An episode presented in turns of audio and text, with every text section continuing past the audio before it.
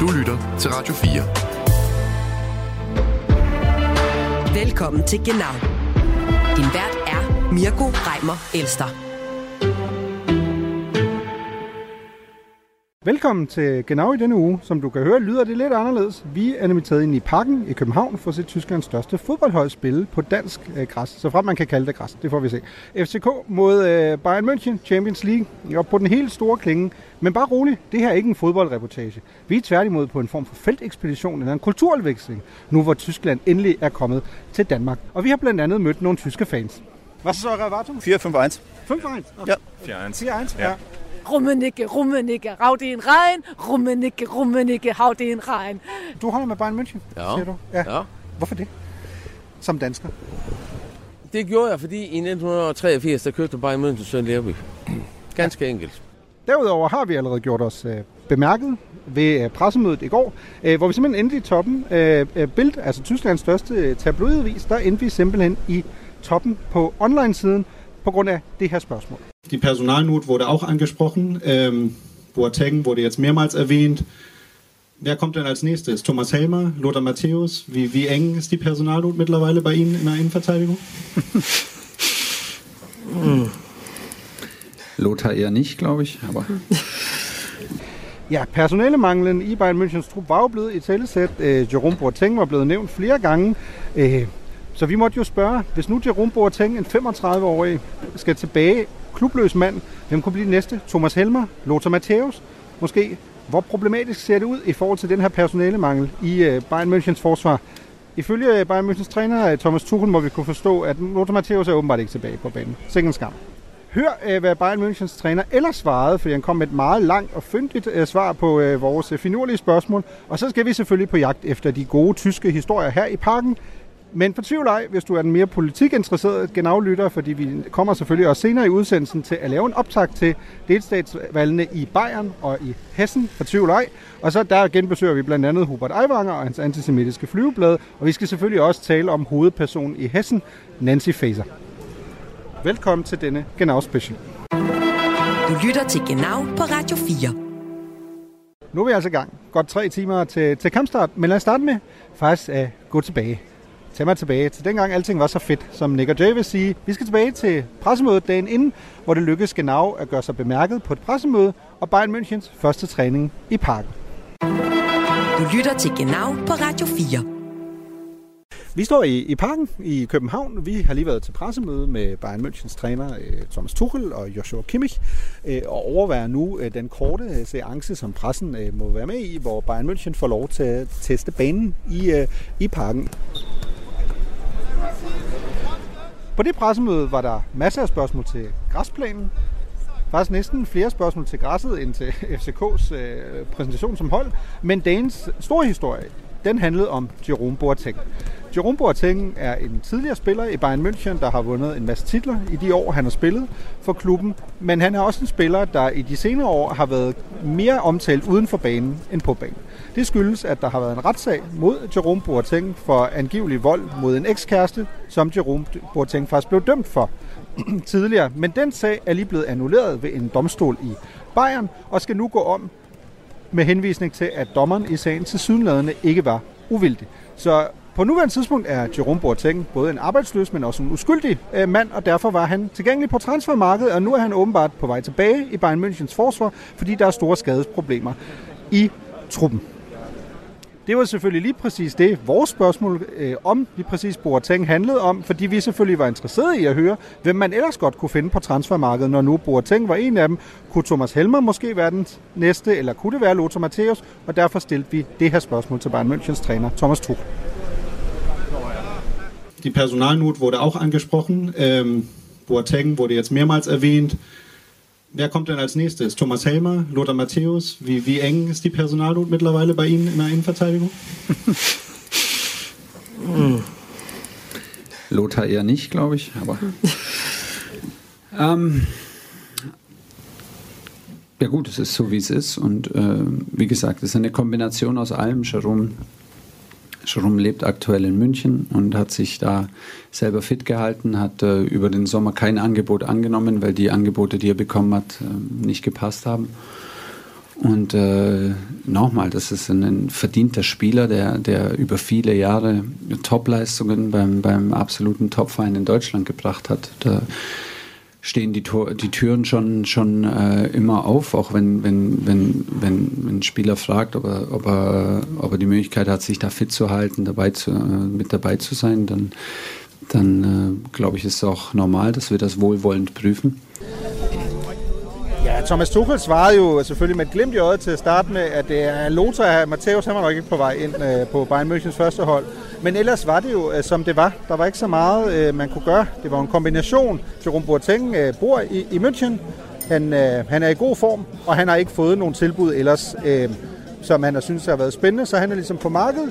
Og han er jo en spiller, der har spillet mange år i Bayern München med, med stor succes, så selvfølgelig vil døren altid stå åben i Bayern München til en spiller, hvis han gerne vil holde sig i form og potentielt også være med.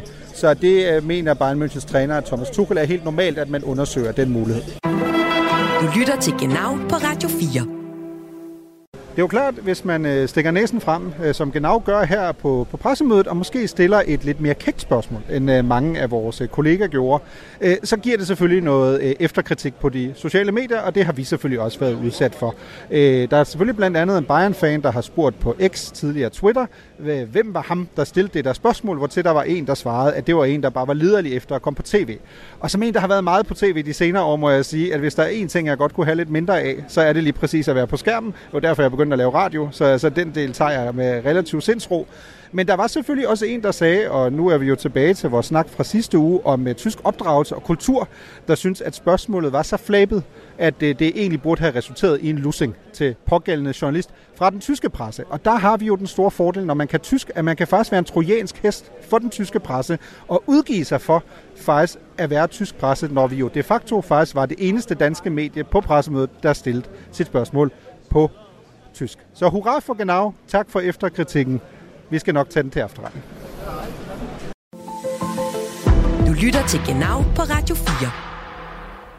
Vi er tilbage på kampdagen her foran parken, og vi har mødt nogle tyske fans. Hallo, darf ich einmal stören? Ihr seid ja die einzigen Deutschen hier. Nö. Seid ihr, nicht, ihr seid nicht Deutsche, oder? Doch, doch. Wir kommen vom dänischen Radiosender so. 4. Du hast doch ein Mikrofon. ja, ja, ja, aber keine Angst, nicht irgendein Verrückter, der einfach kommt. Ja, ja, alles gut. Ähm, ihr seid zum Spiel? Ja, richtig, genau. Ja. Was, ist denn, was ist das Schlimmste in Kopenhagen? Das Wetter oder die Bierpreise? Die Bierpreise. Bierpreise? Die Bierpreise auf jeden ja. Fall, aber es ist schon noch erträglich auf jeden Fall. Ne? Echt? Ja. Oh. Ja, mein Gott. Also man macht ja sowas nicht immer äh, jedes Wochenende. Also von daher okay, kan man das gerne mal in Kauf nehmen. Ja. Jamen jeg starter med at spørge vores, øh, vores tyske venner om, hvad, hvad er det værste i København? Er, er det ølpriserne, eller er det været? Øh, og dertil, der siger de, hvad? De synes faktisk ikke, at det, det over, ølpriserne var faktisk ikke så slemme. Det tror jeg aldrig, jeg har hørt en tysker sige øh, i, i København før. Men okay. Was, was sagt ihr zu der Geschichte mit Jerome Boateng jetzt auf dem Weg zurück? Hat es ja ein bisschen Kritik gegeben, weil er mal verurteilt wurde. Ist jetzt natürlich erstmal aufgehoben worden, das Urteil. Naja, ich glaube, der Thomas Tuchel hat ja das Richtige gesagt. Ne? Also es äh, die Unschuldsvermutung, solange der Prozess mhm. eingestellt ist. Deswegen ja, sollte man das auch so respektieren, ja. würde ich sagen. Ja. Die Unschuldsvermutung. Ja. Aber natürlich, wenn sich das bestätigt, ist es halt No-Go, mhm. definitiv. Was sagst du? Ist ja auch, weil Personalmangel ist in der, in der Verteidigung. Ne? Er hätte doch auch Lothar Matthäus holen können. Naja, das ist Schwachsinn. dem, Im Alter, wie gesagt, wird, wird, viel diskutiert und viel gesprochen, aber ähm, passt für das halbe Jahr, warum denn nicht? Ja. Der gehört zur Familie dazu. Feierabend. Ja. Punkt. Øhm, så måtte vi selvfølgelig spørge ind til Jerome Boateng. Øh, sagen, øh, hvad, hvad synes du om det? At en mand, der tidligere er blevet dømt for vold øh, mod en tidligere kæreste, Jamen, øh, der, øh, der siger den ene af vores tyske venner, at øh, det mener han som sådan. Der må man ligesom træneren sige, at hvis man er uskyldig til, til modsatte bevist, øh, og øh, vores anden øh, ven siger, at han synes, det hele er lidt pjattet. Altså, det, det må man ligesom øh, forvente, og man skal også lade være med at insinuere, at man hellere skulle hive Lothar Matthäus frem. Jeg, kunne ikke finde, altså, jeg ved ikke, hvem der kunne, kunne sige sådan noget. Det, det, det, det har jeg jo ingen idé. Det var heller ikke et ledende spørgsmål overhovedet fra vores side. Was ist eure Erwartung? Haut, haut ihr Kopenhagen weg oder wird eng? Definitiv, oder? definitiv. Ne? 4-5-1. 5-1? Okay. Ja. 4-1. 4-1, ja. ja. Was mit dem Rasen? Habt ihr den gesehen? Nein, nein, nein, nein, nein, noch nie gesehen. Ich war, wir, waren, wir waren schon viel international unterwegs, mein Cousin und ich, aber hier waren wir noch nie. Deswegen sind wir sehr gespannt, wie es heute wird. Ja. ja. Gutes Spiel euch. Dankeschön. Okay. Ebenso. Viel Spaß, danke, ciao. Øh, og så spørger vi selvfølgelig også, altså, hvad er, hvad er forventningen til kampen? Altså, banker Bayern München FCK, og der, øh, ja, det må vi forvente. 5-1 siger den ene, 4-1 øh, til Bayern, så øh, det, det bliver spændende. Hallo, darf ich, darf ich stören? komme vom dänischen Radiosender 4. Sie sehen ja aus wie Bayern-Fans. Ja, sorry. ja, Sie sind nicht, sind nicht so zivil, was das angeht. Darf ich mal fragen, wa- was sind denn Ihre Erwartungen eigentlich an das Spiel? Hauen Sie, hauen Sie FCK Kopenhagen weg oder? Na gut, auswärts ist nicht so einfach einen Gegner wegzuhauen. Aber ich denke schon, dass wir 2-0, 3-1 gewinnen normalerweise. Also der Anspruch ist auf jeden Fall da, weil die Mannschaft ist halt einfach besser normalerweise als Kopenhagen. Ja. Ist das Ihr erstes Mal in Kopenhagen? Zum Fußball ja. Ja. Aber sonst wir sind bei jedem Spiel dabei. Jamen, øh, jeg spurgte selvfølgelig... Øh, ja, jeg, jeg spurgte øh, selvfølgelig indledningsvis, hvad deres for, hvad forventningen var til kampen. Øh, og forventningen var, at man, man var det bedre hold. Så man skulle selvfølgelig gerne vinde, måske øh, 2-0, måske. Was ist das Schlimmste in Kopenhagen? Das Wetter oder die Bierpreise? Ich bin zwar Biertrinker, aber ich bin halt Busfahrer. Also äh, das Wetter ist schlecht. Das Wetter ist schlecht. Ja. Das Wetter ist, das Wetter ist halt schlecht jetzt. Ja. Ja. Det presserende spørgsmål derfra øh, øh, var selvfølgelig, at vi blev jo nødt til at spørge, hvad, er- hvad er faktisk det værste i, i København? Øh, er det ølpriserne, eller er det været? Øh, og der, øh, i og med vores, øh, vores ven var buschauffør, så øh, var det åbenbart øh, ikke, ikke rigtig øh, ølpriserne, selvom han, øh, selvom han faktisk drak øl.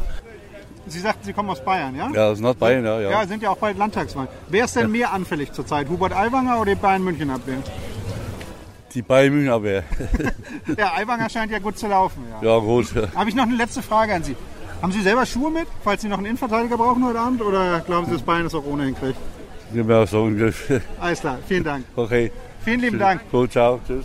Derudover måtte jeg selvfølgelig, når nu vi havde fået fat i en tysker, der boede i Bayern, lige spørge ham i forhold til det delstatsvalget, øh, hvor til jeg spurgte ham, hvem- er mere sårbar øh, for tiden? Er det Hubert Aiwanger eller Bayern Münchens forsvar? Og der øh, svarede han, at det mente han helt klart Bayern Münchens forsvar var. Hallo, darf ich Sie was fragen? Ja, Sie? Ja. Ja, Ja, super. Sind Sie Deutsche oder Däne? denne. Ah, Däne, men så tager vi den på dansk. Øh, Jeg kommer fra Radio 4. Ja. Øh, Du, du holder med Bayern München, Ja. siger du? Ja. Ja. Hvorfor det? Som dansker. Det gjorde jeg, fordi i 1983, der købte Bayern München Søren Lerby. Ganske enkelt. Og øh, Søren Lerby, han var en øh, klassespiller på det danske landshold på det tidspunkt. Og øh, alle andre øh, holdte med tysk, eller med øh, som var Hamburg, som var, Det er meget fornuftigt, må man sige. ikke? Men, det var tæt på Danmark, og de var, de, øh, de kørte med klanen på det tidspunkt. De, var, de vandt med tyske mesterskab, de var jo blevet europamester for øh, mesterhold. Øh, og det kan jo ikke bruge til noget som helst. Jeg synes, Søren Lerby, han var en klasse, og øh, han fik øh, stimen vendt i München fra øh, tabermiljø til et vindermiljø. Mm. Ganske enkelt. Så det var fra 1983, så var jeg Bayern Ja. München-fan. Gik ikke helt så godt, da han så kom på Gentofte Stadion. Men det, men det, det, det, det, det skal Og det ikke- gik heller ikke så godt for 25 år siden, hvis det er det, du vil frem til. Ja, men det- og taber vi i aften, så er det tre gange Jeg på skulle lige til at 30 sige, år. hvad din- Ah, okay. hvad er din det, er også en, det er også en bedrift. Det er også en bedrift. at tabe, tabe tre gange i Danmark Ja. på 30 år. Men hvad er din forventning til kampen? Bliver I presset? Eller er Theo i FCK? Vi skal, den skal vi køre hjem. Øh, Om det så bliver 1-0, eller 3-0, eller 5-2, eller det er ligegyldigt. Den skal køres hjem, og også fordi vi er en god stime PT. Vi kører godt, Ja. Og jeg vil sige, at FCK kører mindre godt, og, og banen på trods, så skal Bayern vinde den her med i hvert fald to mål. Altså, det, vil, det vil undre mig, hvis de ikke gjorde det i hvert fald. Hvad, hvad er din holdning til hele den her diskussion om Jerome Boateng, der er på vej tilbage på, på Den er, at det er fuldstændig tåbeligt at starte en diskussion, for han skulle slet ikke have været tilbage til Bayern. Altså, jeg ved ikke, hvad der, jeg ved ikke, hvad der er, de, de kører efter i det. For det første, har det, har det så været, fordi vi stod og manglede en midterforsvar. Så går jeg til nød finde et eller andet argument for måske at tage ham tilbage. Det mangler vi ikke. Vi har masser af midterforsvar. Jeg ved ikke, hvad for, altså, jeg fatter ikke, hvorfor de overhovedet begynder den diskussion og tage ham tilbage. Plus, at han er ikke, han er ikke engang god nok til at komme tilbage til Bayern. Sorry. Og det er så uden over det, at med de anklager, han, øh, han så har hængende over hovedet. Mm. Det er ud fra et rent sportsligt. God kamp. Mange tak. Ich wollte einmal, einmal hören, seid ihr das erste Mal in Kopenhagen? Ich bin das erste Mal in Kopenhagen, ja. Wa- Was ist denn das Schlimmste in Kopenhagen? Das Wetter oder die Bierpreise? Äh, das Wetter. Das Schlimmste ist, wenn das Bier alle ist. Egal, ob die Sonne scheint Nee, oder... haben schon die Kassierer so gesagt. Ja, det stemmer naturligt. Det stemmer naturligt, Ja. ja. Jeg spurgte dem øh, selvfølgelig indledningsvis til, øh, hvordan det var at være i København. Hvad, øh, hvad var det værste? Var det, var det vejret, eller var det ølene? Priserne, hvor, hvor til en af dem svarede, at det, det værste var faktisk altid, når der ikke var mere øl. At det, det var en, en gammel, øh, gammel, gammel talemåde, og det kan der selvfølgelig være noget om. Was, was ist euer Tipp? Wie, wie geht's aus? Was sagst du? 3-1. Für Kopenhagen? Nee. Für den FC Bayern. Ja. Ich hoffe auf einen knappen Sieg 1-0. Ja. Was sagst du? Also ich bin immer sehr positiv eingestellt für, für meine Einstellung. Ich tippe ein 0 zu 4, also 4-0 Sieg Ja. für Bayern. Was sagst du? Ich sag 2-0 für den FC Bayern. Okay. Ich habe ich hab doch noch eine letzte Frage an euch, weil es hat natürlich viel in der dänischen Medien ähm, in Anspruch genommen. Was ist denn, habt ihr von dem Rasen in Kopenhagen gehört im Stadion? Ja, aber das Problem haben wir in der Bundesliga auch. Du kannst ja noch drei Konzerte machen und vielleicht noch Biathlon unter der Woche. Das gibt's halt. Das hat es vor 20 Jahren auch gegeben. Da gab es den Greenkeeper noch nicht. Den gibt's heute. Aber Ich finde es wunderschön. Fußball, Sport des Volkes. Muss der Platz nicht immer perfekt sein, das passt schon. Alles klar, vielen Dank, gutes spil, viel erfolg. Vi spurgte selvfølgelig også til, til forventningerne til kampen, kampens resultat, og her var der bred enighed om, at øh, Bayern München nok skulle trække sig sejrsrigt ud af, af opgøret. Øh, Det varierede lidt mellem en, en 2-0 sejr til en, øh, til en 4-0 øh, sejr, men det må øh, tiden selvfølgelig vise. Og øh, afslutningsvis talte vi om øh, græsplænen øh, i parken, som har fået meget opmærksomhed både i Tyskland og i, øh, i Danmark, hvor til øh, vores øh, gæster viste sig fra deres mest diplomatiske måde og sagde, at øh, det var måske ikke så stort et problem. Det havde man også tidligere haft. Det vigtigste var, at øh, fodbold var en sport, en folkesport, som man glæder sig, glæder sig til at deltage i. Du lytter til Genau på Radio 4. De søde mennesker øh, på stadion har været så søde at give os repræsentanter for pressen en øh, lille madkurv, eller snarere pose. Øhm, problemet for sådan en, øh, en type som mig var bare, at det blev 0 ud af 3. Der var, der var ikke noget af det, der lige var mig. Hønsesalat, det, der sidder man som tysker og tænker, hvad så das? Øh, det skal jeg helt sikkert ikke spise. Æble, ah, sidder mellem, sidder mellem tænderne, så kan man ikke imponere Thomas Møller bagefter, eller Thomas Tuchel igen. Så det bliver også pænt nej tak, og hvis man er overvægtig, skal man heller ikke spise det lille stykke chokolade. Så øh, jeg, jeg bliver simpelthen nødt til at gå på jagt nu øh, i boderne her udenfor og se, om jeg ikke kan få noget tysk mad. Jeg er fra Radio 4. Jeg vil spørge dig om noget. Vi er jo her, fordi vi skal, det er jo FCK mod Bayern München. Jeg vil prøve at høre, kan jeg købe en currywurst hos dig? Nej. Hvorfor ikke? Hvad er curry? Sausage. Ah, jeg har ikke sausage. Jeg har kun gyrospita. Jeg sælger gyrospita. Okay. Um, du ved du hvad, jeg har jo fået, jeg har fået sådan en madpakke her fra, fra FCK, men jeg kan ikke lide maden. Kan, kan du lide høns? Tak. Kan du lide hønsesalat? Ja, hvorfor ikke? Ja. Kan, kan vi bytte? Kan jeg få en gyros mod en, øh, en mod hønsesalaten her? Okay, tak. Okay. Hvor kæft, er jeg heldig, mand. Det er meget sjovt. Værsgo. Tusind tak skal du have. Tak. Velkommen. Tusind tak. I lige måde. Hvor kæft, lækker, mand. Det er jo sindssygt. Det er jo som at bytte, øh, bytte en Fiat mod en Ferrari. Ja, det, det tror jeg er genialt, det er. Man havde ikke noget gengæld, men det er helt okay. Det er helt okay. Næste ferie går til Grækenland nu. Du lytter til Genau på Radio 4. Nu skal vi møde en ægte Bayern-fan, som også er dansker. Og selvfølgelig kan man ikke have nogen samtale om Bayern München her på Genau uden Lykke Friis. Jeg synes, du ser meget diskret klædt ud, øh, i stedet betragtning af, at du skal ind i parken se Bayern München. Det, Ja, men jeg har jo fået Hvorfor? at vide, at man ikke må iføre sig en Bayern München trøje, så jeg har sådan taget alt muligt over, men indenunder er der naturligvis den nyeste Bayern München Kane trøje. ja. Så du må heller ikke, du må ikke engang juble på tribunen? Eller hvad? Ja, altså forløbet må jeg indrømme, så er der så mange, der er kommet hen og sagt til mig, at du holder med Bayern München, så jeg tror ikke rigtig, jeg kan skjule det. Så jeg tror, jeg sådan okay. skulle have en eller anden plastikpose over hovedet for at skjule min... Øh, jeg rent faktisk holder med Bayern München, så det, jeg gider ikke at bluffe. Det er der ingen, der hopper på. Nej, jeg, jeg skulle lige til at sige. Men hvad, øh, Lykke, prøv at fortælle, hvordan, øh, hvordan bliver man Bayern München-fan, altså som, som dansker? Det gør man, når man har en storbror, der holder med Bayern München, når man går på den øh, dansk-tyske skole som Petri. Så var der på det tidspunkt der i øh, 80'erne, midt 80'erne, der var der kun to hold, man kunne holde med. Enten var det Hamburg og Sportverein, eller det var FC Bayern München. Og da vi så ovenikøbet så også tog en tur til München, vores forældre, jeg forelskede mig i Karl-Heinz Rummenigge og Paul Breitner, og så har jeg siden dengang holdt med Bayern München. Okay, øh, godt, godt så. Ja, hvad, hvad skal jeg sige? Jeg synes jo, du skulle have taget Hamburg, men, øh, men det tager vi, det, den snak tager vi en anden Altså, gang. du kan godt huske den der dejlige, dejlige sang, der var med Rummenigge, ikke? Og hans øh, sexy niece, sexy niece. Jo. Kan du, skal vi synge den sammen? Ej, jeg, jeg, overlader det til dig, Lykke. Kom, kom. Rummenigge, Rummenigge, rav det en regn. Rummenigge, Rummenigge, hav det en regn. Så kan jeg ikke huske mere, men så kommer der med sexy niece på et tidspunkt. Meget, meget catchy, meget, meget, øh, meget catchy. Det, det må jeg sige. Ja, han vil sige, og Rummenigge, han hang jo så meget, meget stor sådan Bravo-poster over min, min seng. Det var min mormor ikke så glad for, når hun kom fra Kielen, braget ned i hovedet på hende. Så på den måde, så har vi alle sammen haft et forhold til Karl-Heinz Rummenigge og til Bayern München. Ja, der var, der var en, der en, en tysk, øh, eller en dansk øh, Bayern München-fan, der sagde til mig tidligere, at hans grund til at blive Bayern-fan, det var Søren Lørby, da han var nede i Bayern München.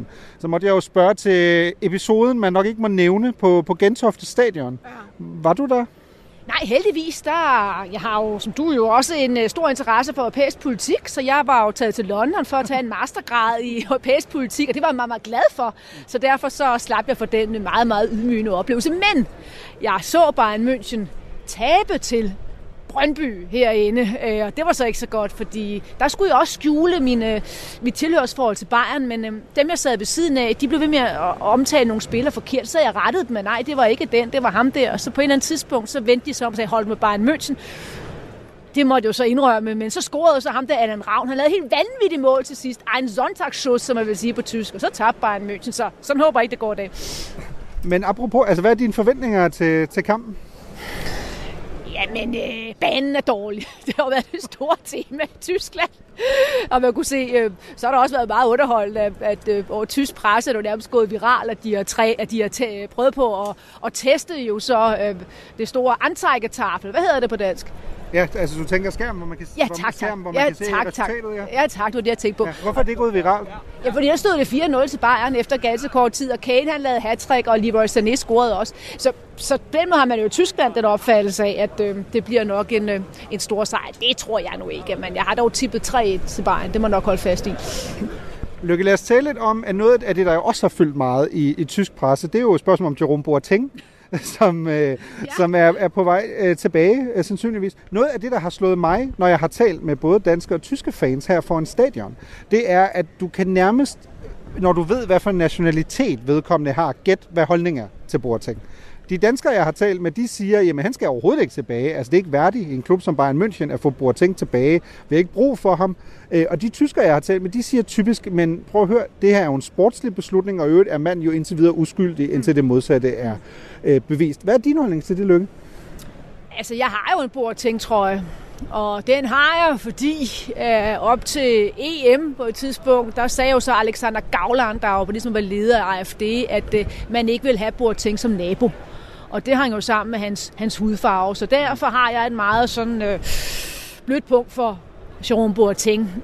Men altså, jeg synes da også, det er lidt underligt noget. Altså, hvad skal man med en 35-årig spiller, som ikke har spillet meget længe i Lyon? Altså, det siger virkelig noget om, som også en skrev, at det er sådan en abstrækker, man normalt vil gøre. Altså, en anden, der er ved at ryge ned, så bliver man helt desperat, så må man finde en anden, hvad det spiller. Og så synes jeg, man skal ikke dømme folk før, øh, før de... Altså, det, man skal selvfølgelig have domstolen afgøre det, men jeg har også et dårligt mave med den sag, altså med, med hvad der jo tyder på, i hvert fald har været anklaget om hustruvold. Og man så har gjort det, ved jeg ikke, men, men øh, dårlig, dårlig sag generelt. Øh, når man går rundt her, så ser Øh, man jo... på, når man øh, går rundt her, så ser man jo øh, mange sådan, man vil kalde det retro-trøjer, og jeg elsker jo især ja. Bayern Münchens trøjer fra 90'erne, der er jo ja. nogle virkelig gode imellem. Men det vækker jo også sådan minder om, at det var især i 90'erne og starten 0'erne, at man omtalte Bayern som FC Hollywood. Altså, der var altid lidt ballade, og der var altid lige lovlig meget øh, virak. Er vi sådan lidt det samme sted nu? Altså i forhold til den, øh, uro, de uroligheder, der også har været i Bayern München, både i forhold til, da man fyrede Julian Nagelsmann, så kom Thomas Tuchel ind. Hvad, hvad er din holdning til det? Jamen, der er altid virak, øh, og det, vil, altså, så det er der egentlig ikke rigtig noget nyt i. Øh, det, jeg synes, der har været nyt, det var, da man fyrede Nagelsmann. Det, det havde jeg altså ikke set komme, og det tror jeg ikke mange andre, der havde. Øh, og så Nagelsmann går hen nu og bliver tysk landsholdstræner. Det er en ren øh, trænerkarusel. Altså, det, det, det, synes jeg godt nok var, efter så kort tid at fyre en mand, øh, som egentlig havde gjort det meget godt. Det synes jeg har været, det synes jeg har været nyt.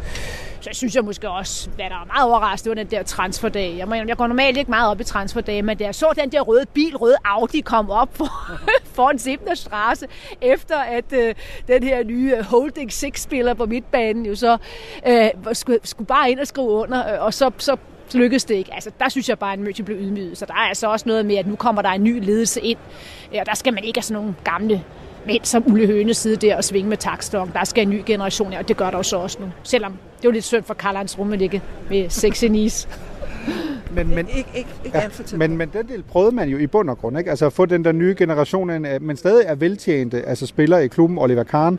Øh, Oliver Kahn holdt jo ikke særlig længe. Øh, Det gjorde Hassan Salihamidzic jo heller ikke. Altså er man, man har jo i bund og grund lavet sådan en, hvor man har hævet rollatorbanden ind igen nu, ikke? Altså med Rummenigge og Hønes. Ja, men det er jo ikke nogen, øh, det er jo ikke nogen permanent løsning. Nu kommer jo den nye, øh, jo så allerede sportschef Freund, der kommer fra Leipzig, og så henter man jo så med al sandsynlighed jo så også Ebold, der så var i, ja, både har været i Leipzig og været i Gladbach. Så nu kommer der jo en ny professionel øh, ledelse ind. At det er selvfølgelig groft at stå og sige, at Ule Hønes ikke var professionel, men, men jeg synes det der med, at man troede, at fordi man havde haft Ule Hønes og havde haft jo så Karl-Heinz Rummenigge, bare fordi man havde været storstjerne på Bayern Münchens hold, så kunne man være CEO. Øh, Det, det tror jeg, man har hit ud af. Den, den går nok ikke. Lad os tale lidt om kulturforskelle, fordi du har jo et ben i, be- i begge mm. kulturer, og øh, du er jo øh, en, en, der flittigt går på stadion Ja. øh, mange steder, også i, i København. Er der nogle sådan åbenlyse kulturforskelle, synes du, i forhold til danskernes og tyskernes forhold til, til fodbold? Ja, pølserne er i hvert fald bedre på, på stadion i Tyskland. Jeg var lige på, på Olympiastadion i, øh, i Berlin jo så her øh, for et par dage siden. Fan, fantastisk oplevelse. Der, der har været noget med fankulturen, men det synes jeg nu egentlig, at danskerne Danmark kommer meget godt efter det. Men det er klart, når man står der på sådan en stadion, Olympiastadion, og så ser, har St. Pauli den ene ende, og så Hertha den anden. Hold op, hvor var der gang i den. Altså, Mm jeg jeg ved ikke rigtig, med den store forskel øh, på, på fodboldkulturen, når det kommer til stykket. Så bliver jeg jo nødt til at give dig sådan en, en kærkom, en stejforlage nu. Ja. øh, og du bliver selvfølgelig kort nødt til også at gå væk fra herrefodbold her. Kvindefodbold er jo på vej frem ja. i Tyskland, og Pernille Harder er jo skiftet til, ja, ja, ja. til Bayern München. Tror du, kan de give et ryg? Altså også i forhold til danskernes øh, opfattelse i forhold til kvindefodbold. Ikke kun herhjemme, men især også i forhold til tysk kvindefodbold. Ja, det må man da håbe. Øh, og jeg synes også, man begynder at se, at øh, det fylder meget mere også i Tyskland kvindefodbold. Nu har man så lige haft det store problem, at man tager jo alting i øjeblikket, hvad angår fodbold. Det eneste, man har vundet, øh, det, har været, det har været basketball. Det var sådan set også meget, meget dejligt. Men man kan fornemme nu, at det her med ligaen, øh, det, det fylder mere og mere i, i Tyskland med kvindefodbold. Og det tror jeg da også er smidt af, fordi altså i Danmark, hvis der er en, der er en, man skal følge med i, så er det jo Pernille Harder. Så jeg skal da også have mig øh, en Pernille Harder, når jeg skal ned og se returopgøret, fordi da jeg var nede sidst, så kunne jeg så primært få den der Kane-trøje. Der var godt nok så mange mennesker, der stod i kø, så jeg tænkte, Pernille Harder, hende napper jeg næste gang. Du lytter til Genau på Radio 4. Så har vi fundet vores pladser i parken. 15 minutter til kampsparen. Det første, jeg tænker, er, at man burde være blevet sportsjournalist, når jeg tænker, hvor vi sidder. Mega lækre pladser. Øh, mega fed oplevelse. Øhm, Jeg kan se over i, i venstre side, øh, at øh, over i sektion 12 der på FCK's øh, lægter, det ligner en ordentlig tifo, der, øh, der er blevet lavet der. Øh, når jeg så kigger over på højre side, i den modsatte ende af banen, hvor Bayern Münchens fans er, så, øh, så spørger jeg mig selv, hvad tager egentlig længere tid? Digitalisering i Tyskland, eller at få rullet en tifo ud? Fordi de har været i gang i meget lang tid, og det er en tifo, der er meget, meget mindre størrelse end FCK's.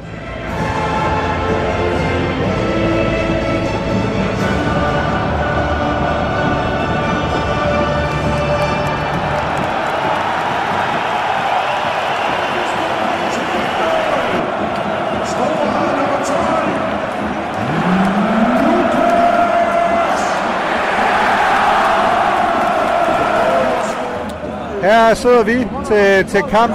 Man øh, plejer jo at sige, at det tyske sprog har øh, meget trange kår i Danmark. Men øh, jeg kan da i hvert fald høre, at FCK-fansene har lært et ord tysk øh, til kampen i dag og synger Scheisse Bayern. Øh, så der er håb for det tyske sprog. Hurra for det.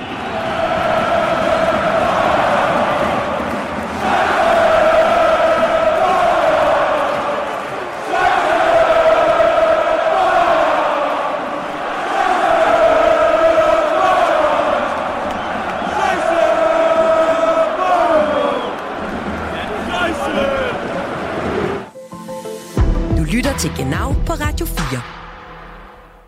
Selvom resultatet på måltavlen ikke vidner om forskellen mellem de to hold, så endte det, som de fleste havde spået, med en sejr til tyskerne. FC København var på vej imod et af de helt store resultater, men alligevel tabte med 2-1 til Bayern München i Champions League inde i parken. Du lytter til Genau på Radio 4. Vi spurgte øh, nogle Bayern München-fans øh, efter kampen, øh, hvordan de havde oplevet øh, den her tætte øh, affære i parken, øh, og spurgte øh, selvfølgelig også ind til deres, deres oplevelse generelt i øh, København. Danish Dynamite. Ja, ja, genau. Ich komme vom dänischen Radiosender 4. Ja, geilo. Ich würde sagen, äh, zum Glückwunsch zum Sieg. Ja, danke. Dann müssen wir auf Dänisch antworten. Nee, ja, kannst du versuchen. kannst du versuchen, wenn du willst, ja, aber... Ja, ich kann es nicht. Du? Äh, willst du versuchen? Äh, war es war enger als erwartet, oder? Knapper Sieg? Äh, ja, war ein komisch, komisches und schwieriges Spiel für der FC Bayern. Ähm, war kein gutes Fußballspiel, fand ich jetzt. Aber am Schluss trotzdem verdient gewonnen. Ja. Was sagst du? Ja, da kann ich mich relativ anschließen. Ähm, kein schönes Spiel. Kein, wirklich, wirklich kein schönes Spiel. Aber wirklich nicht. äh, der FC Kopenhagen hat überraschend gute Gegenkeiten. Nummer 10 und Nummer 30 waren überragend. Also waren gut, fand ich. Hat es euch sonst gefallen in Kopenhagen? Oder? Das Stadion ist, das Stadion ist eine Wucht.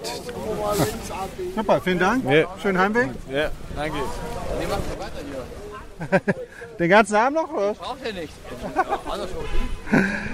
Ja, men, øh, Nå, øh, ja, de her to Bayern-fans mente, at øh, det blev en lidt tættere affære, end de, de måske lige havde regnet med. Øh, og det jo ikke en pæn kamp øh, at se på, men at de i sidste ende vandt øh, Bayern München øh, øh, fortjent, men øh, udtrykte også deres respekt til FC København øh, i forhold til den øh, store bedrift, de mente, øh, københavnerne havde leveret på banen, øh, særligt nummer, nummer 10 og nummer 30 blev øh, fremhævet i øh, den sammenhæng, og så blev der også uddelt roser til parken som et øh, ganske, ganske fremragende stadion. Du lytter til Genau på Radio 4. Og så vendte vi selvfølgelig også tilbage til, til Lykke Friis for at høre øh, Danmark, måske Danmarks kendteste Bayern München-fan, hvordan hun havde oplevet øh, kampen i øh, parken og hendes øh, iagttagelser i den forbindelse. Lettelse, sejr, øh, kynisme, det tror jeg de ting, øh, de ord, der falder mig ind. Jamen, jeg synes, det var jo det var en kamp, øh, og det tror jeg ikke nødvendigvis alle havde regnet med, fordi jeg synes, FCK spillede ret meget øh, lige op med Bayern, og, og det gjorde synes jeg, det var utroligt spændende. Det var jo spændende helt til sidst. Nok lidt for meget spændende, hvis man er bare en München-tilhænger. Der skulle ikke have været meget til, så var en røget ind over målstregen der. Så hud op til FCK, men øh, selvfølgelig rette vinder, og ja, sådan rigtig Bayern-dusel, som man siger. Det vil sige, det er også lidt helt til sidst. Altså, Hvis vi spiller i dag, vinder man jo ikke Champions League i hvert fald, kan man sige. Og får man også problemer med Bayer Leverkusen, så ja, det synes jeg sådan set, det gjorde. Jeg synes jeg også, første halvleg var, var temmelig uinspirerende, altså fra Bayerns side.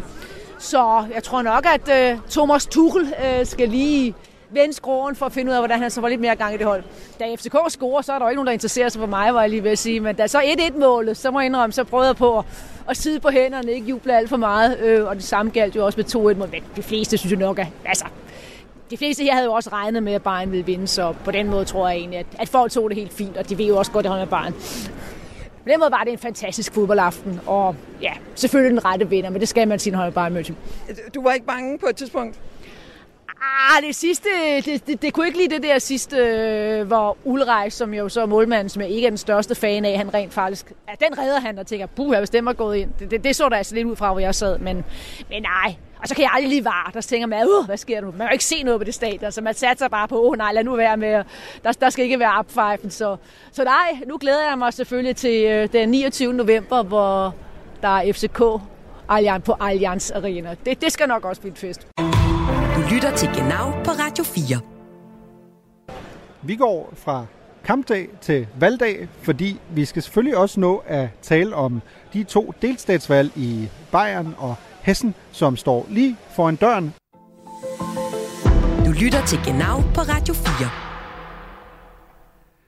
Vi varmer op til landsvalgene i Hessen og Bayern, som bliver afholdt netop den 8 oktober. Og vi starter selvfølgelig med at zoome ind på valget i Bayern, som vi jo også har gjort i, i tidligere episoder af Genau, fordi der har været rimelig meget gang i, i valgkampen dernede.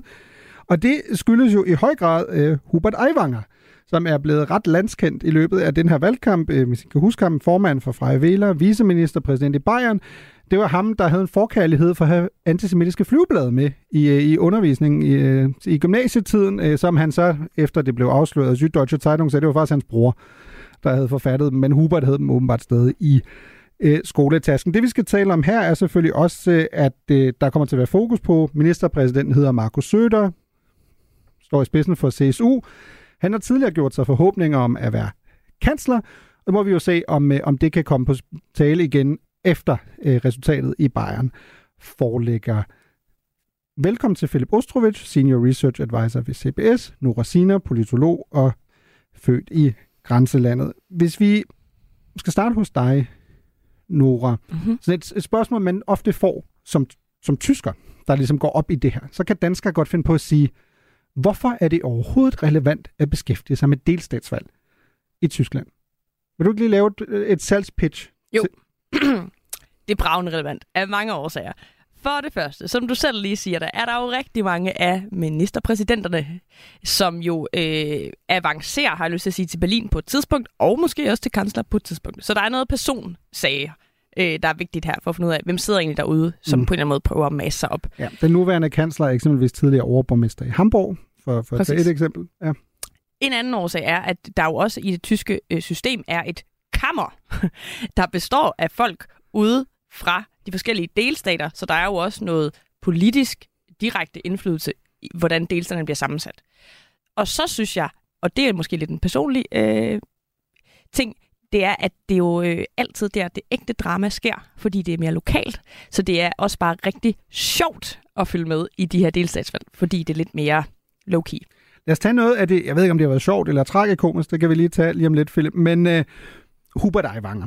Øh, det satte jo ministerpræsident Søder i en meget svær situation, fordi han skulle jo vurdere, vil jeg, vil jeg, vil jeg simpelthen øh, fyre ham øh, som øh, minister og stedfortrædende ministerpræsident et par måneder inden der er valg, øh, skulle jeg beholde ham, men det måske ser måske heller ikke så heldigt ud, når du har uddelt antisemitisk øh, materiale som ung, og også fordi Eivanger havde relativt svært ved at huske ting bagefter, og da Søder så gav ham øh, 25 spørgsmål, så kunne han heller ikke huske så meget. Der har været relativt meget, men øh, lad os lige lytte til Søder, der siger, jeg beholder äh, Hubert Aiwanger. In der Gesamtabwägung, dass kein Beweis vorliegt, dass die Sache 35 Jahre her ist und dass seitdem nichts Vergleichbares vorgefallen ist, wäre eine Entlassung aus dem Amt aus meiner Sicht nicht verhältnismäßig. Ja, Søder siger, han synes ikke, det er forholdsmæssigt at fyre øh, Eivanger for noget, der ligger 35 år øh, tilbage, og fordi der heller ikke er et eksempel øh, på, at han siden har opført sig. Fordi han har jo faktisk sagt, Hubert, at han har jo faktisk blevet, han er jo menschenfreund. I hvert fald været de sidste 10 år. Jeg ved ikke, hvad han har været inden, inden da. Det har vi også diskuteret tidligere her i programmet, at hans kommunikationsstrategi, Eivangers, måske ikke har været så god. Men Ostrovich, prøv at fortælle mig, hvad, hvad har Søder på spil her? Altså udover, at han gerne han vil selvfølgelig gerne blive genvalgt som ministerpræsident, og han har allerede sagt, at han vil i regering med Hubert Aiwanger igen. Men hvad har han ellers på spil, udover at kunne siddende pro- problemet er jo også for, for, for CSU, altså øh, lille søsterparti til de konservative CDU. At de, altså tidligere i Bayern var det jo bare sådan, at de havde over 50 procent, de vandt altid valget, de stillede altid ministerpræsident, og så kunne de bare gøre det, de vil. Og det har de gjort i mange, mange, mange årtier. Det er også meget særligt uh, i Tyskland, en meget, meget særlig uh, delstat uh, her. Og det har jo, det, det smuldrede jo totalt for dem. Så nu skal de jo have en koalitionspartner, der er Freie Wähler, og det interessante ved den her sag er jo, at Eivanger faktisk, helt den her historie, gavnede faktisk Freie Wähler og Eivanger. Mm. De fik 4-5 procent mere, så dem, der holder af Hubert Eivanger, eller der synes, han er en god, dygtig politiker, jamen, så fik han uh, trukket nogle flere stemmer til sig. Og det er jo problemet, som, som, som Søder så til gengæld har, at CSU så måske bliver endnu mindre. Og problemet her er, holder vi fast uh, i Eivanger, så er vores egne måske lidt mere venstreorienterede vælgere, hvis der er nogen, uh, der, der stemmer på CSU, de er måske ikke så, ikke så glade for det. Hvis vi fyrer ham, så, så, så, så uh, ser det jo rigtig, rigtig dårligt ud fra regeringen. Så, så either way øh, øh, vil, han, vil han tabe stemmer, og det er jo et, et kæmpe problem faktisk for, for Søder. Og så tror jeg også, det helt grundlæggende problem for Søder er, det er, at han rimelig tidligt har sagt, i Bayern kommer der ikke til at være noget som helst med nogen grønne, og han kommer heller ikke til at gå sammen med Socialdemokraterne, og han har brugt hele den her valgperiode på at skælde ud på Berlin, og hvor øh, dårlig ampelregeringen fungerer. Så det er dybt utroværdigt, hvis han ender med at bygge en koalition op om andre end Freie Wähler. Han kan ikke med AfD, så han kan ikke gøre noget. Han er fuldstændig mm. låst i den her situation. Man skal jo selvfølgelig tage meningsmålinger med et grænsalt, men lad os bare lige tage øh, en, en valgtrend, for ligesom altså bare at forklare lytterne, hvor er vi her op til, til valget. Øh, Ostrøs, du var inde på det. CSU i historisk set et parti, der fik 50% plus. Der er vi overhovedet ikke længere. Altså, lige nu er den store diskussion i Tyskland mere, kan CSU komme over 40%? Øh, ja, nej. Øh, jeg tror, hvis Franz Josef Strauss øh, blev gen, gen, genopstået, øh, så vil han tænke, hvad, hvad fuck er der sket i, i Bayern? Altså, øh, 36 procent i de seneste målinger. Altså, det står til, at Søder kommer til at få et endnu dårligere valgresultat end i 2018, som allerede var dårligt. Æ, til gengæld kan vi se, at de der måske ekstra CSU-procent, de er jo bare blevet plantet yderligere til højre. Fordi vi har Freie Wähler, der, der i hvert fald i gennemsnit står omkring de 15 øh, procent, og så har vi AFD, der står omkring øh, 13. Og det er jo i bund og grund der, sådan, den store højre del ligger, og så har vi de grønne, der nok kommer til at kæmpe med AFD og Freie Wähler om, hvem der bliver det næststørste parti, men som Nora, som du er inde for, de har jo ikke noget reelt sådan, magtalternativ, for de søger der ikke regering med dem, og Socialdemokraterne ligger og dumper rundt omkring de 9 procent, og så har vi de liberale, der står til ikke engang at komme ind i, i, i landdagen, fordi de er under 5 procent. Altså er der også nogle kan man sige, nationale implikationer her i forhold til det, vi kan se med nogle af de andre partier, eller er, er det sådan, som man siger, USA all politics is local? Hvad siger du, Philip? Altså bortset fra, at, at Søder jo gerne vil være kanslerkandidat for, for de konservative CDU, og det kan han muligvis drømme lidt længere om, hvis han kommer over 40 procent. Hvis og han hvis ikke gør... Mertz taler lidt mere om tænder, apropos Ja, præcis, program. præcis. Men, men at, øh, jeg, jeg vil dog trods alt sige, nu kommer jeg fra Slesvig Holsten, så det er meget usandsynligt, at det bliver ham. Men lad os nu se, hvad der, hvad der sker. Der kan ske en masse. Men, men på den anden side er det også sådan, Søder har sådan set begået to gange en kæmpe fejl. Sidste gang i valgkampen prøvede han at være populistisk øh, øh, i forhold til det højrefløjen. Uh, hvad kom der ud af den valgkamp? Jamen, AFD gavnede flere stemmer, og, og fra Væler, så det var ikke CSU, der gavnede det. Og så kunne man se, jamen de grønne, de blev ret store. Nu er de grønne jo fjenden, og så udråber han de grønne som fjende. Det har han virkelig sagt på, på, på den måde. Og nu kunne det jo være en god idé, at faktisk denne regering med de grønne i Bayern vi har Baden-Württemberg, vi har Hessen, vi har andre, øh, mange andre delstater, hvor de grønne og de konservative arbejder sammen i dag. Um, men det har han jo udelukket øh, nu, så som Nora siger, jamen det er de freie væler eller ingen. Ja. Lad os lige afslutningsvis i forhold til Bayern-delen her. Øh, hvad kommer I særligt til at holde øje med? Øh, også hvis man som lytter ligesom sidder og tænker, okay, hvad er det for sådan nogle, altså for eksempel 40 procent for CSU? Er der andre ting, I sådan kommer til at holde øje med i forhold til det, der er interessant, hvis man er lidt nørdet omkring det her, Nora? Øh, Søders retoriske stil. kommer han til at øh, udtale sig igen mere øh, mod de vælger, han bløder lige nu, altså mod højre, og dermed gør sig selv mere svær at blive kanslerkandidat på et tidspunkt, fordi han rykker i en retning, som jeg synes, og mange andre som synes, er fungerer i Bayern, men ikke på forbundsplan. Præcis. Ja. Øh, eller kommer han til at bejle stille og roligt nu i de sidste krampetrækninger alligevel mod de grønne? Hvad med dig, Philip? Og når vi nu har Freie Wähler, som, som er på, på højrefløjen, altså hvordan øh, kommer AFD til at udvikle sig? Hvor mange procenter får de?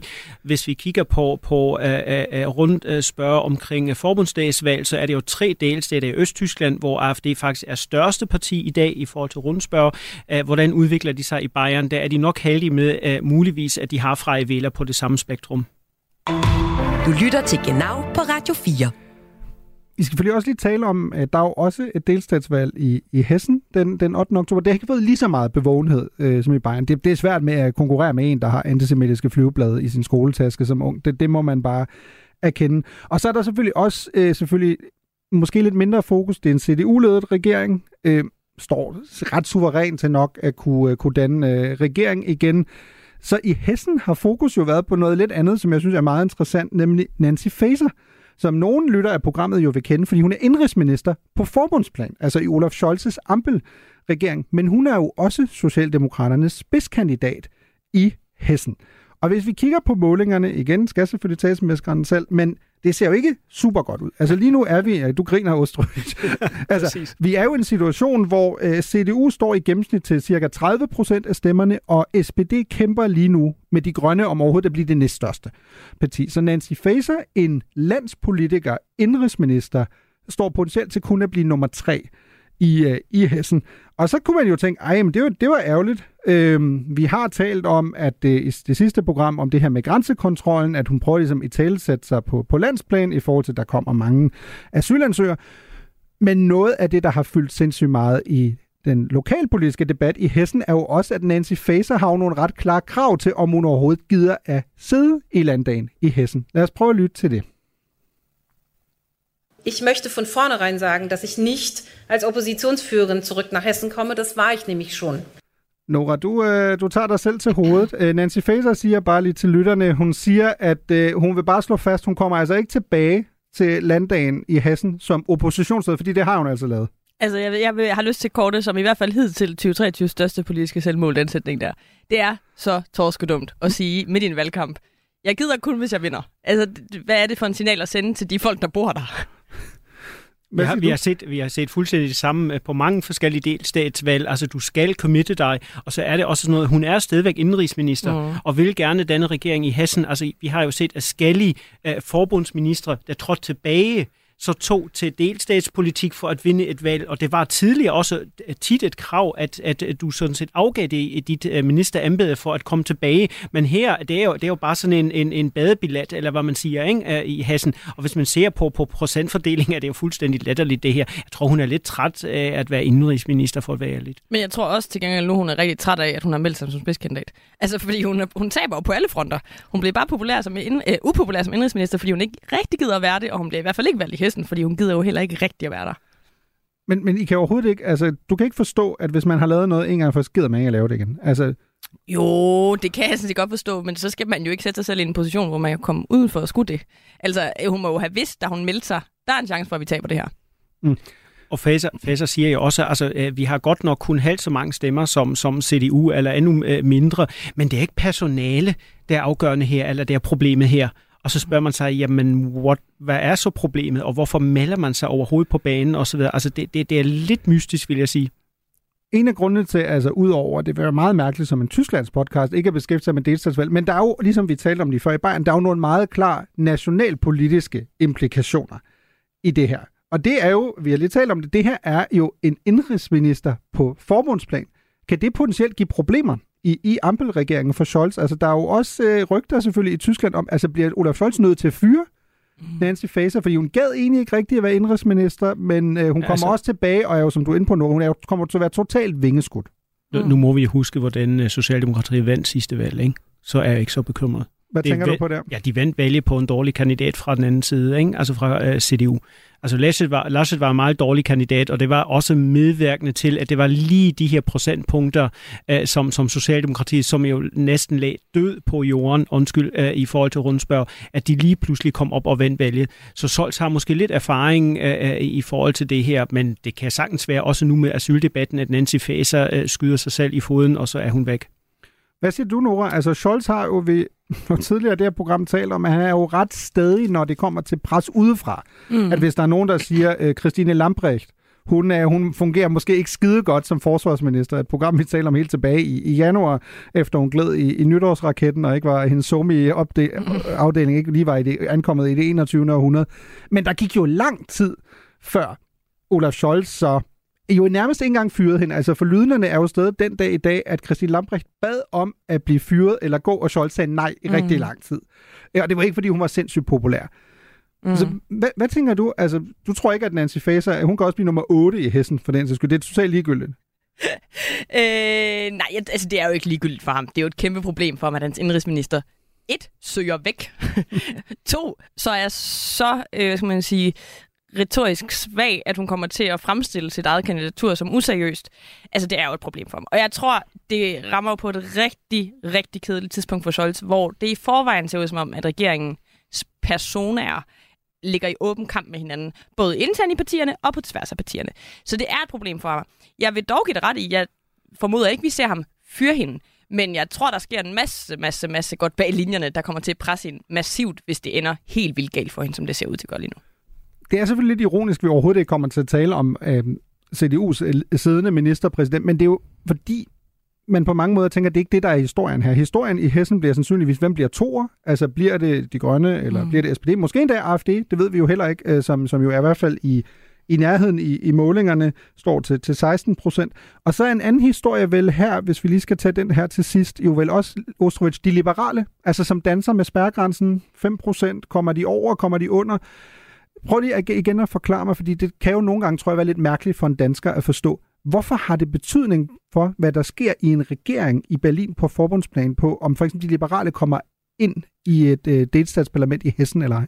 Det, det, det er også et vigtigt tegn på, hvordan... Øh, altså, for det første kan de jo muligvis danne en koalitionsregering. Det vil sige, at de kommer med i en regering, som jo altid er godt for et parti kunne sige, det har vi, det har vi opnået. Og for det andet, hvis de, hvis de sådan set er ude af parlamentet i et delstat, så smuldrer det også, altså så, så er det mindre midler, så er det mindre popularitet osv., også på forbundets øh, plan. Og især FDP, de kommer nok at kæmpe nogle hårde kampe øh, øh ved de næste, næste delstatsvalg. Øh, valg det er jo en klassisk vekselvirkning. Altså, i Danmark ser man jo også ret meget på, hvad der sker i partierne, når der er kommunalvalg øh, i København. Altså, så det, der sker i Berlin, påvirker det, der sker i delstaterne. Det, der sker i delstaterne, påvirker også i høj grad det, der sker i Berlin. Og det er derfor, det er så sindssygt vigtigt at følge med i. Du lytter til Genau på Radio 4. Det var alt, vi, vi havde til jer i, i denne uge. Ein Zitterparti, som man vil sige på tysk. En gyser i, i parken. Tæt affære mellem FCK og Bayern München. Vi må jo se, om øh, delstatsvalgene i Hessen og Bayern bliver lige så tætte affære, øh, som den her kamp, vi har oplevet i parken. Vi er tilbage i næste uge og går ud på en øh, ægte klassiker. Bayern Münchens Stern des Süden. Auf Wiederhören.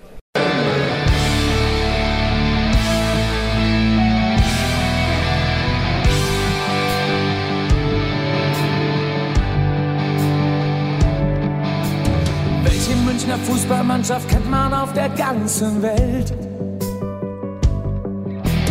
Wie heißt dieser Club, der hierzulande die Rekorde hält? Wer hat schon gewonnen, was es jemals zu gewinnen gab? Wer bringt seit Jahrzehnten unsere Bundesliga voll auf Trab? FC Bayern, Stern des Südens, du wirst niemals untergehen, weil wir in guten wie in schlechten Zeiten zueinander stehen. FC Bayern, deutscher Meister,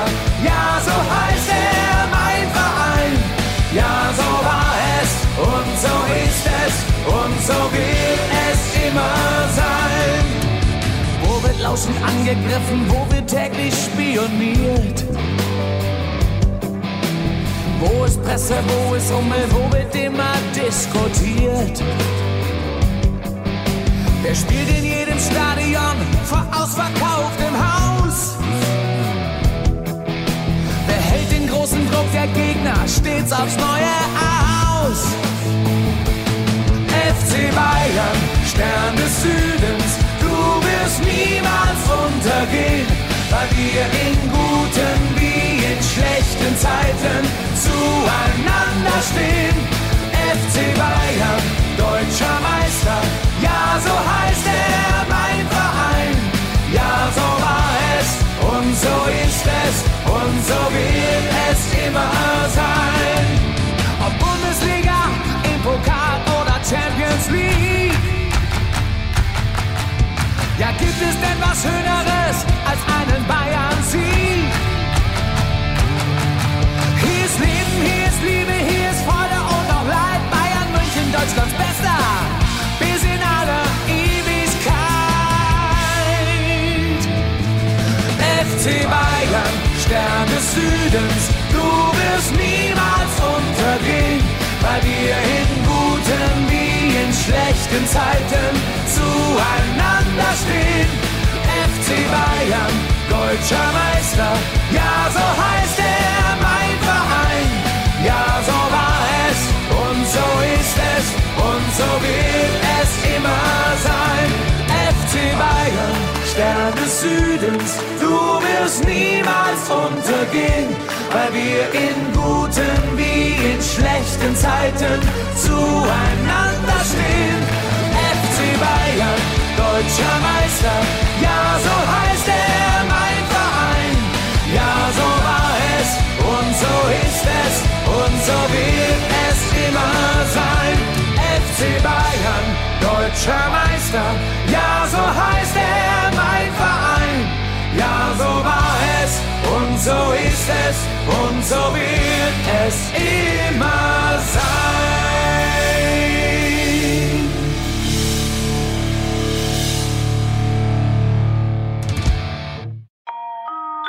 Han nægter, at der har været tale om sådan en bevidst manipulationsstrategi fra hans side. Ikke? Charles Manson. Og det er jeg overbevist om, der har været. Kultlederen, der endte som centrum for en række bestialske drab. At det lige går ud over de mennesker, det går ud over, det er et tilfælde. Lyt med, når Christoffer Lind forsøger at forstå mennesket bag monstret i Krimiland. Manson er helt sikkert sociopat. Højst sandsynligt psykopat. Find det i Radio 4's app, eller der, hvor du lytter til podcast. Radio 4. Der er måske mere bag. Ikke så forudsigeligt.